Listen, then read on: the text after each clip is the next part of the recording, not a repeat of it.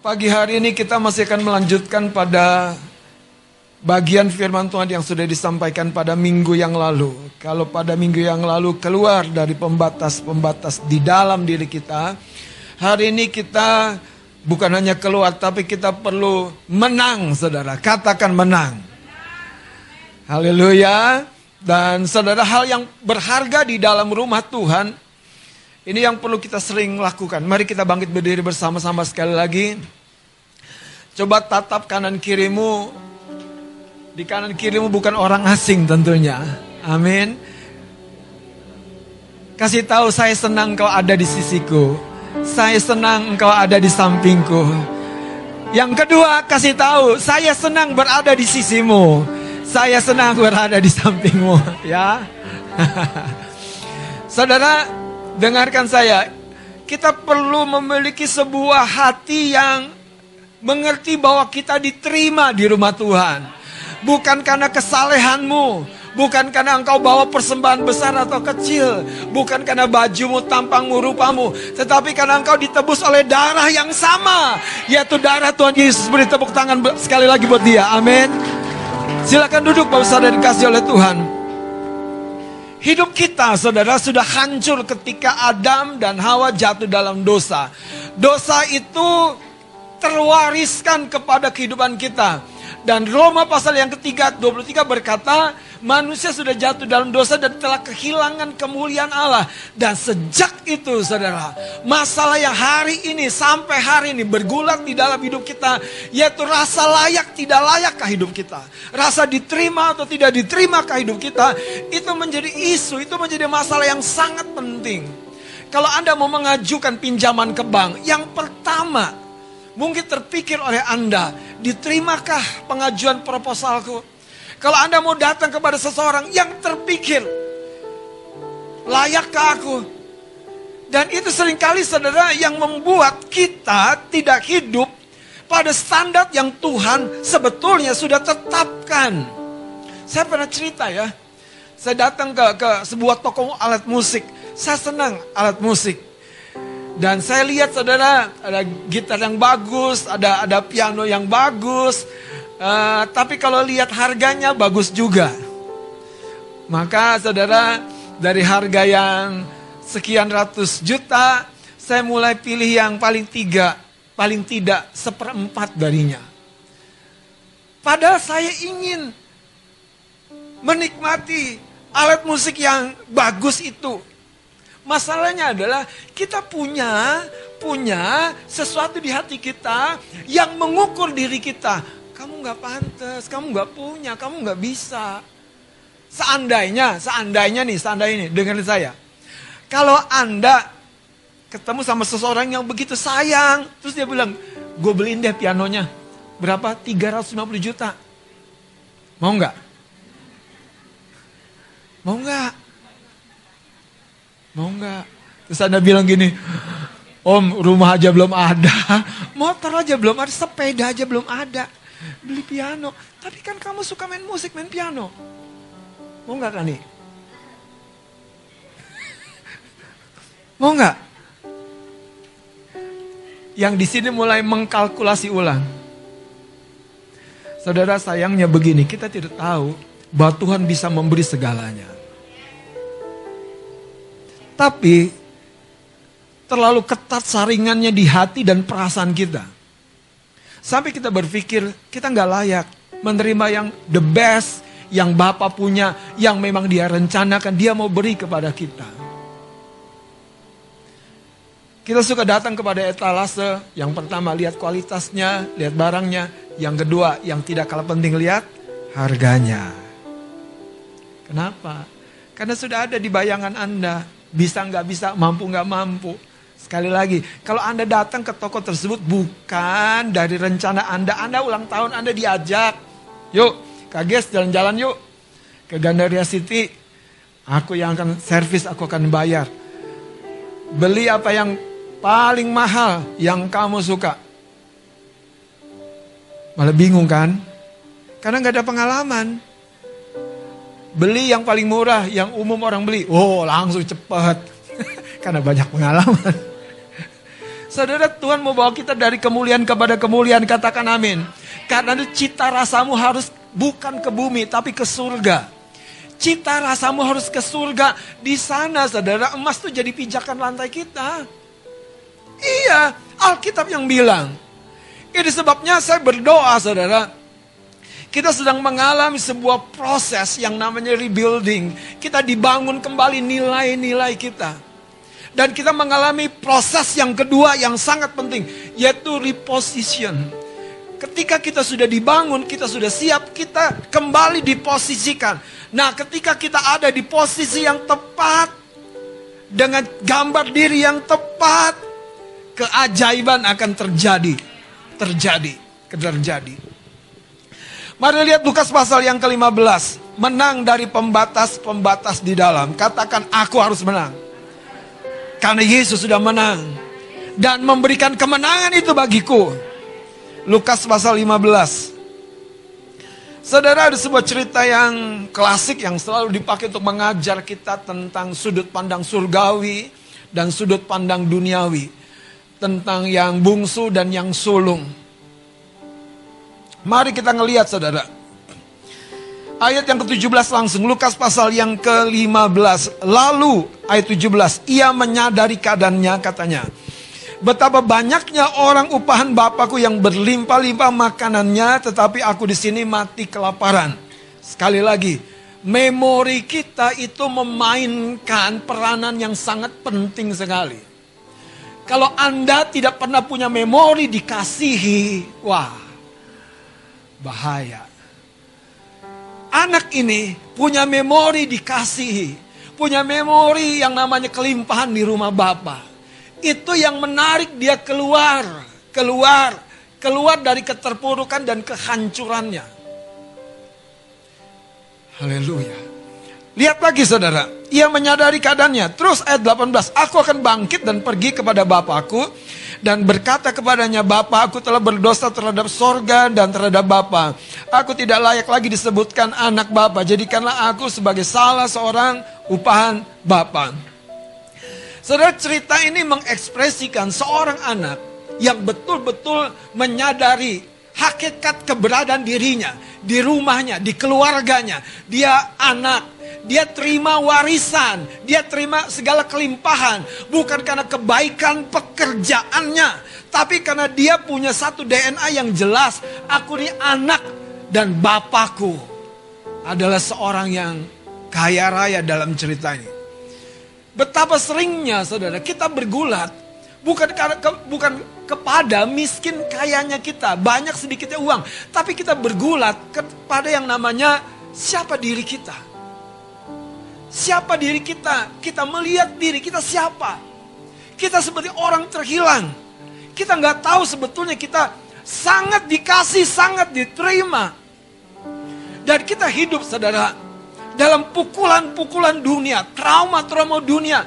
Ketika yang bungsu ini saudara keluar dari rumah bapaknya, habis harta kekayaannya, hidupnya menjadi penjaga babi, itu mulai mencetak satu rasa tidak layak, betul? Betul? Betul? Kenapa kita berdandan? Supaya layak. Kenapa kita dressing? Supaya kita layak. Tahukah kau bahwa secara mentalitas kerohanian kita perlu mengenakan kebenaran, dibangun kembali sampai kita diposisikan kembali. Dan ketika kita di posisi yang memang Tuhan rencanakan, Siapa kita yang Tuhan tetapkan itu bergerak. Kita menjadi seorang yang menyatakan gambar Bapa dalam kemurahannya, dalam kasihnya. Bahkan bukan hanya untuk diri kita, tapi kepada banyak orang. Kita tidak pernah takut menjadi seorang pemberi. Kenapa? Karena kita tahu kemurahan Allah yang membuat aku mampu menjadi seorang yang murah hati. Kita tidak pernah takut saudara mengorbankan seperti Abraham hanya satu-satunya karena dia percaya sekalipun dari kematian Allah yang dia sembah sanggup membangkitkan saudara. Kenapa orang tidak hidup dengan tolok ukur seperti itu? Karena dia sudah kehilangan siapa dirinya di hadapan Bapa yang Maha Kaya. Lihat ayat ini, ayat 19. Si bungsu berkata, aku tidak layak lagi disebutkan anak bapa. Jadikan apa? Coba tengok kanan kirimu. Kamu siapa? Kamu siapa? Kamu siapa? Aku anak.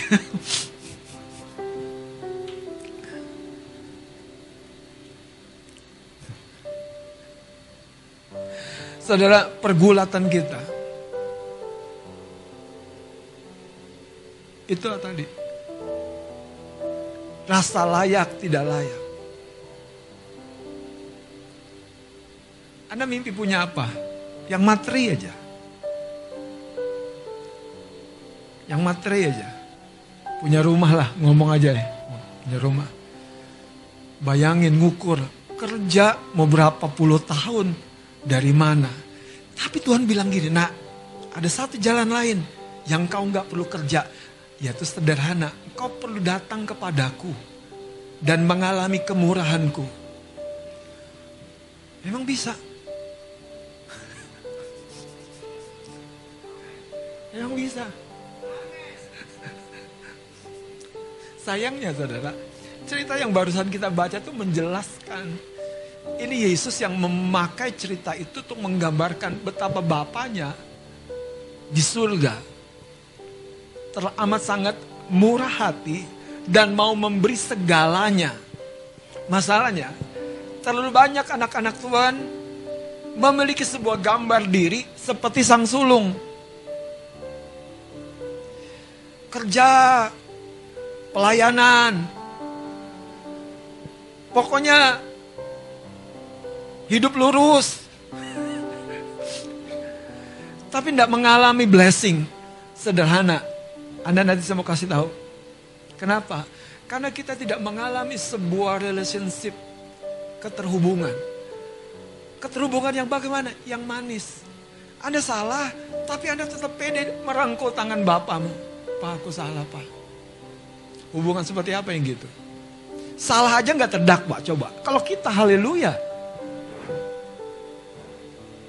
Per bulan kurang langsung dek. Wih, kurang kirim nih. Takut nanti berkatnya nggak nyampe lagi. Maaf ya, nggak boleh begitu saudara.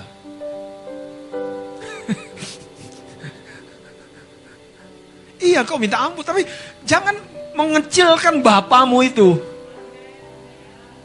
Kenapa? Karena kau pakai masker di sini, bukan di sini. Di sini. Sampai sampai bilang, nak turunin maskernya nak. Maka kamu akan melihat dengan terang. Dia mau memberkatimu bahkan ketika engkau jatuh, bersalah, berdosa, gagal, tidak taat, tidak setia. Dia mau memberkatimu yang paling dahsyat dan luar biasa. Karena dia sudah memberkatimu. Dalam janjinya. Dia tidak pernah berkata, aku batalin deh aku jadi bapamu. Kenapa? Karena kau tidak setia. Enggak, saudara. Mau kau setia, tidak setia, taat, tidak taat, dia tetap jadi bapamu. Nah hubungan yang seperti ini saudara yang hilang dari rumah Tuhan. Kita cenderung saudara mengedepankan apa? Ketaatan. Yes, amin, benar. Tapi di atas yang namanya ketaatan ada yang namanya hubungan. Dengerin saya saudara, jangan salah tangkap. Bukan ketaatan tidak perlu. Mari kembali kepada Lukas pasal 15.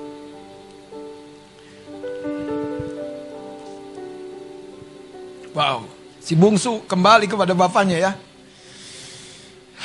Ayat 25, tetapi anaknya yang sulung, ayat 25, berada di ladang dan ketika ia pulang dan dekat rumah, ia mendengar bunyi seruling dan nyanyian tari-tarian. Lihat, ada jiwa yang merana, saudara fokus bekerja, tapi tidak punya fellowship dengan bapaknya. Berdoa karena takut nggak layak mau melayani.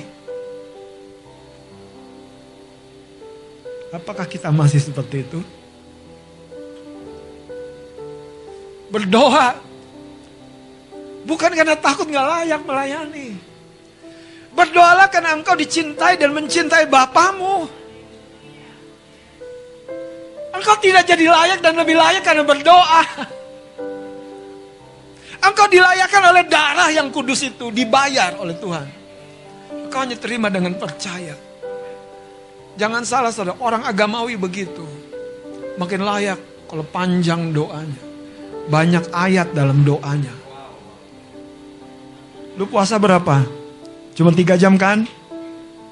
Gua puasa tiga hari tiga malam.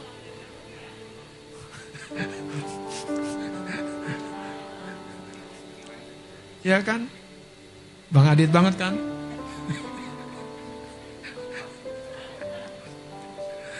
Kalau di kemah pujian semuanya terpelihara makmur. Haleluya. Berkat melimpah. Saudara, coba lihat. Cerita ini sangat miris. Ironis, kenapa? Seorang yang memiliki segalanya tidak menikmati bahkan bagian yang paling kecil. Satu ekor anak kambing untuk bersuka cita. Dia miskin di tengah kekayaannya. Gimana dengan engkau dan saya? Jangan jadi miskin, jangan jadi terdakwa di tengah kasihnya yang mau memeluk engkau. Jangan, jangan, jangan, aku gak layak Tuhan, aku gak layak. Pada Bapak belum sempat si bungsu mandi dia udah lari dah. Hak peluk itu saudara. Begitu intim dan eratnya.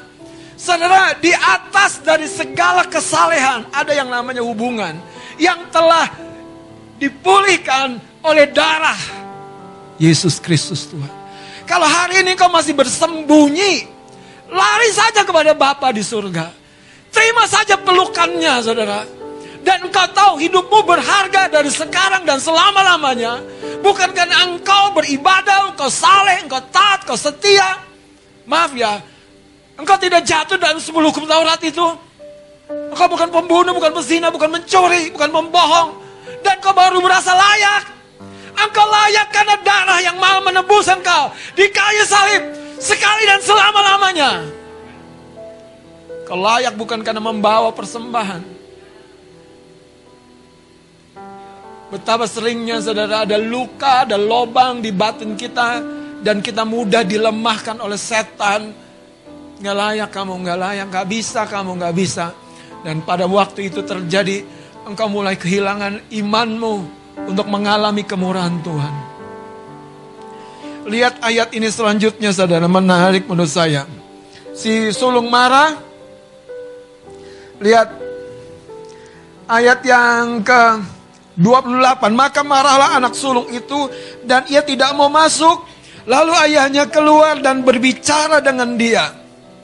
Perhatikan kata-kata atau jawaban ayahnya ini. Tetapi ia men, uh, si sulung ini. Tetapi ia menjawab ayahnya katanya, telah bertahun-tahun aku melayani Bapak dan belum pernah aku melanggar perintah Bapak. Saleh kan? Halo pelayan Tuhan, kau tidak perlu saleh. Kau hanya perlu benar. Jangan tukar kebenaran dengan kesalehan. Kesalehan apa sih itu?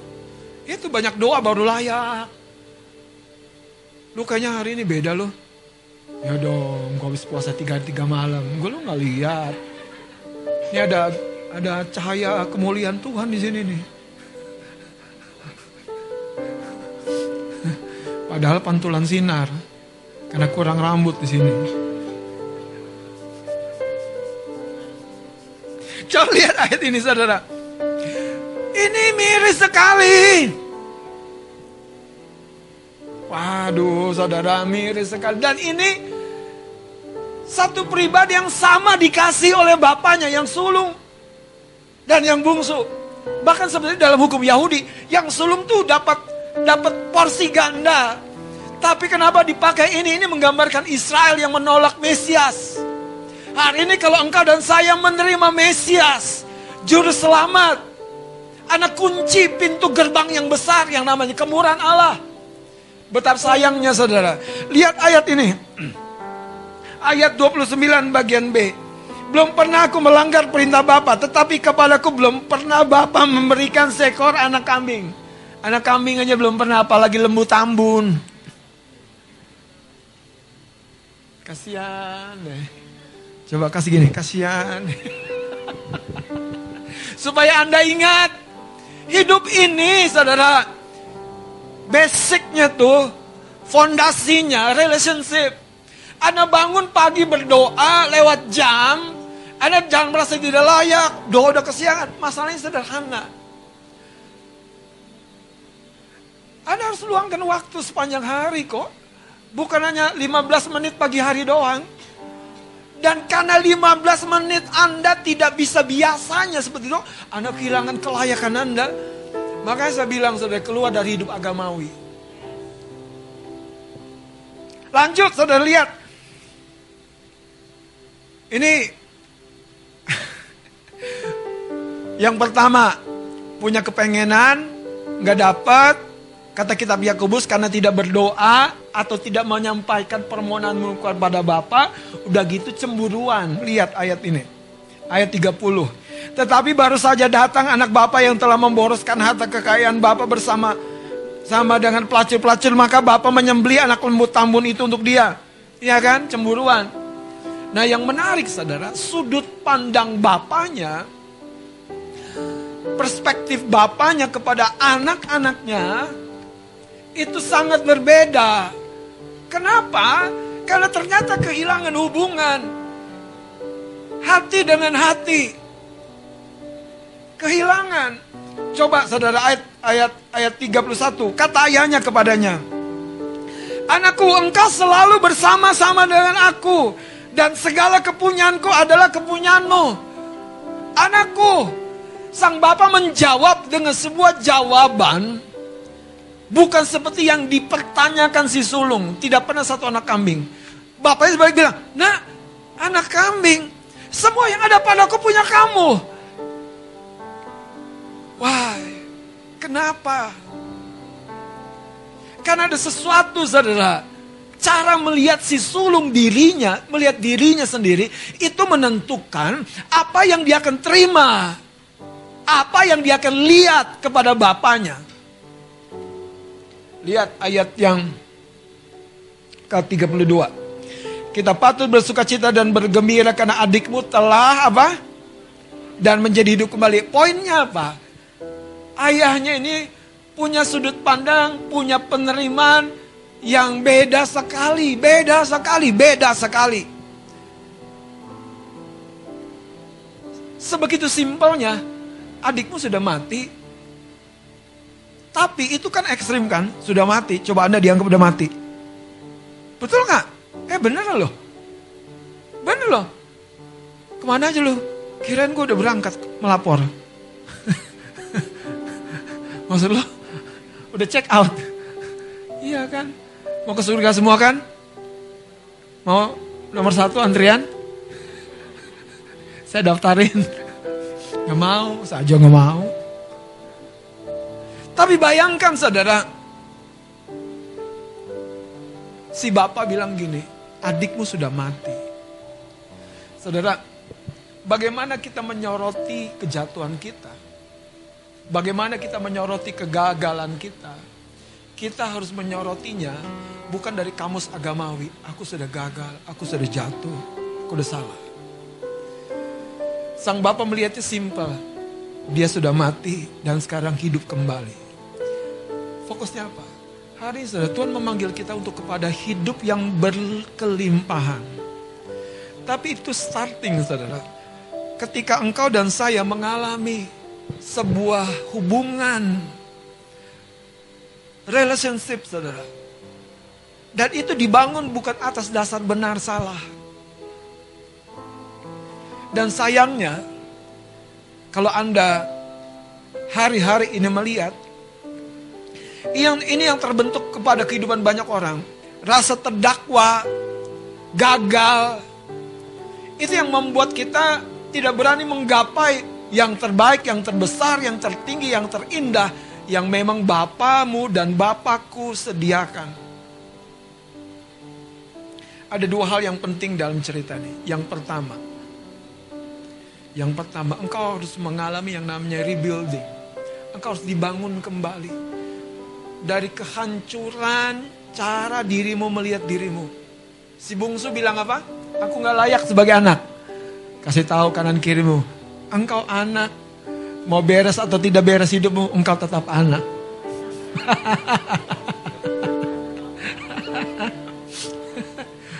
Terus jangan aneh bilang gini, kok tahu sih? Haleluya.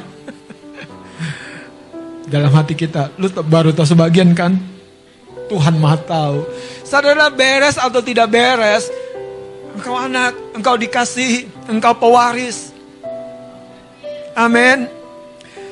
Harus engkau harus izinkan Tuhan membangun kembali rasa layakmu itu, rasa layakmu, rasa layakmu, rasa layakmu.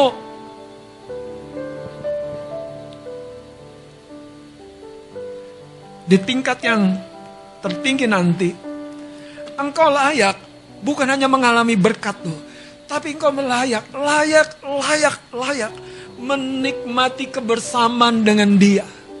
Karena kalau engkau sudah bersama dengan dia, itu yang Bapaknya bilang. Bukan hanya berkat, tapi engkau menghayati kebersamaan Bapa dengan dirimu. Dan itu sebuah hubungan, sebuah fellowship yang dalam. Jangan cuma doa 15 menit, 10 menit pagi hari, sepanjang hari. Nikmati keindahan kehadiran kasih Bapa dalam hidupmu. Jangan engkau terjebak dengan struggle.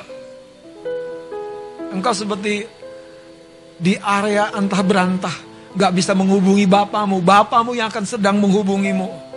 Kau hanya perlu mengucap syukur. Mulai dengan mengucap syukur. Mulai dengan mengucap syukur. Saudara yang pertama, engkau perlu mengalami proses yang namanya rebuilding. Rebuilding proses. Engkau dibangun kembali. Kenapa? Lihat. Ini poin yang sama yang Yesus pakai pada perumpamaan tentang talenta. Yang lima, yang dua, yang satu. Apa masalah yang satu? Yang satu lihat tuannya itu, tuan yang jahat. Masalahnya apa? di dalam dirinya. Engkau perlu izinkan batasan-batasan yang di dalam dirimu tuh lepas, hancur. Engkau perlu mengizinkan engkau sadar sepenuh-penuhnya.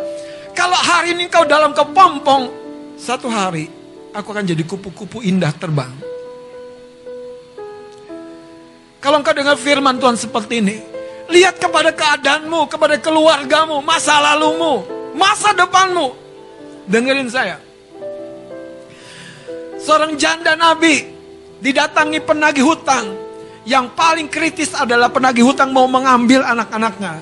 Janda nabi ini lari kepada nabi senior namanya Elisa dan meminta pertolongan.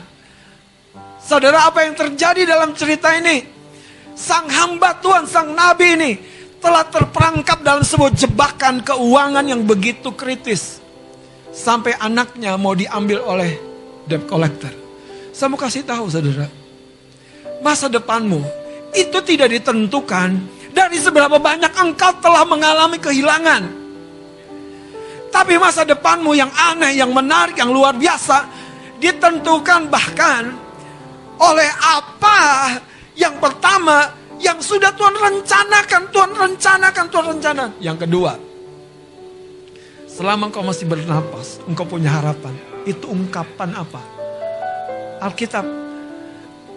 Anjing, maaf, bahasanya memang begitu. Anjing hidup kurus, maaf, kotor, dekil. Saya agak bikin lebay dikit. Korengan. Itu lebih berharga daripada singa mati. Kenapa? Karena orang hidup tahu punya harapan, ada harapan. Tapi kalau orang yang sudah tidak punya pengharapan, dia sudah mati sewaktu dia masih hidup. Bungsu ini punya harapan. Kalau dia datang pada bapaknya, di sana hamba-hamba, pembantu-pembantu saja berlimpah makanannya. Aku mati di sini kelaparan. Waduh. Apakah Anda sedang dibangun? Saudara berikan dirimu dimuridkan Izinkan Tuhan membangun nilai-nilai dalam dirimu tentang keuangan, tentang hubungan, tentang apa pun. Itu sebabnya pemungut cukai jadi pemberita kebenaran. Penjala ikan menjadi penjala manusia. Penganiaya gereja. Saulus menjadi siapa? Rasul utama, Rasul Paulus. penulis Alkitab, siapa pun dirimu pada masa lalumu tidak menentukan masa depanmu. Karena masa depanmu sudah direncanakan, sudah ditetapkan. Janda nabi ini hanya punya satu buli-buli kecil berisi minyak. Yang tersisa dari hidupmu itu lebih dari cukup di tangan Tuhan. Yang tersisa pada hidupmu hari ini apa? Mungkin kau berkata, Om saya nggak punya modal Musa. Om saya nggak punya fasilitas Musa. Engkau punya apa? Itu lebih dari cukup. Karena bagi Tuhan segala sesuatu mungkin ketika engkau percaya. Yang kedua, Anda perlu memasuki sebuah tahap yang berikut yang namanya reposition. Anda diposisikan kembali. Bungsu sudah jauh, jauh, jauh meninggalkan rumah bapaknya dalam keinsafannya itu yang namanya rebuilding. Dia kembali menyadari, dia kembali menemukan siapa dirinya. Aku ini anak sebetulnya. Kemudian dia kembali kepada posisinya, kembali kepada posisinya, kembali kepada posisinya. Saudara, pertanyaannya pagi hari ini buat kita, sudahkah Anda mengalami dua proses ini? Sampai Anda melihat diri Anda yang lalu sudah berlalu. Yang di depan tidak ditentukan oleh yang sudah berlalu. Yang di depan ditentukan oleh apa yang sudah Tuhan setting, Tuhan tetapkan. Kitab Efesus berkata apa? Aku telah mengenal engkau, aku telah memanggil engkau, menentu, menentukan engkau sejak dunia belum dijadikan. Sejak dunia belum dijadikan, sejak opung-opungmu, opa-opa, oma-omamu belum ketemu. Belum, engkau telah direncanakan menjadi anaknya. Kembalilah ke posisi itu. Hiduplah dengan cara sebagai anak. Si bungsu mengalami itu. Yang sayangnya sulung tidak. Saya mau percepat saudara. Apa kunci kehidupan seorang anak? Hubungan. Relationship. Salah, gagal, datang. Bahkan kalau anak yang cerdik, dia mengaku salah dengan cara memeluk bapaknya duluan. Peluk, dekap, dekat, baru bilang, Pak aku salah. Terus kira-kira mau ditonjok. Ya enggak lah. ya enggak mungkin lah. Kenapa? Yang membuat bapaknya lumer hatinya. Peluknya. Itulah penyembahanmu saudara. Doa penyembahanmu itu pelukmu sama Bapak, bukan apa? Bukan apa religiusmu. Uh, kalau aku ke doa pagi aku nggak layak. Aduh, ya itu dulu nggak apa-apa lah. Sekarang nggak boleh lagi. Oke, saya mau tutup dengan sebuah cerita kecil. Sebuah batu ditemukan di jalan. Batu itu diambil oleh seseorang. Dipukul berkali-kali tidak pecah dan batu itu berkata, aku kuat. Pukul aku lagi, pukul aku lagi. Dibawa ke tempat gelap. Silakan tinggalkan aku. Kasih aku hanya satu titik cahaya. Aku akan tetap bersinar. Wah, batu ini percaya diri sekali. Banting aku sekeras-kerasnya. Aku tidak akan hancur berkeping-keping seperti yang lain-lain. Batu ini saudara, hanya batu biasa. Tapi satu ketika, seorang yang berpengalaman menemukan batu ini. Dan membentuknya menjadi intan berlian. Yang begitu kemilau, bercahaya, indah. Anda tahu? Intan tidak berharga apa-apa sampai ditemukan oleh seseorang yang membentuknya. Hidupmu tidak berharga apa-apa. Sama, aku juga gitu. Sampai kau ditemukan oleh Yesusmu. Engkau berharga sekali, bernilai sekali. Bukan dari apa yang hilang, tapi dari apa yang dia telah rencanakan. Mungkin kau berkata, Bang, aku udah gak layak. Om, aku udah gak layak. Lihat si bungsu ini. Engkau diterima bukan karena engkau layak. Engkau dipeluk bukan karena engkau bersih. kudus. Engkau dipeluk dan diterimanya karena engkau anaknya. Hiduplah dengan hubungan. Kekurangan si sulung apa? Di rumah bapaknya taat, saleh. Tapi tidak pernah mengalami sebuah relationship yang intim. Sampai nggak tahu bahwa semua yang ada pada bapaknya itu punyanya. Mintanya terlalu kecil. Anak kambing. Apa permohonanmu hari-hari ini? Minta keluargamu dilawat. Minta keluargamu dipulihkan. Minta sesuatu yang lebih besar lagi saudara komunitasmu. Keluarga besarmu mengalami Tuhan. Minta yang lebih besar. Jangan sekedar anak kambing saudara. Tuhan menyediakan lebih dahsyat daripada itu. Amin. Kalau Anda minta pasangan hidup, minta saudara pasangan yang akan menggenapkan seluruh rencana Bapa dalam hidupmu. Bukan sekedar supaya engkau ada gandengan. Emang truk gandeng.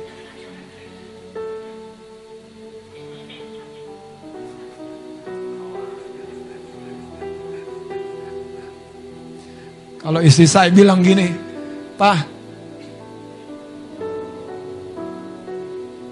di dalam mall aja digandeng rapat.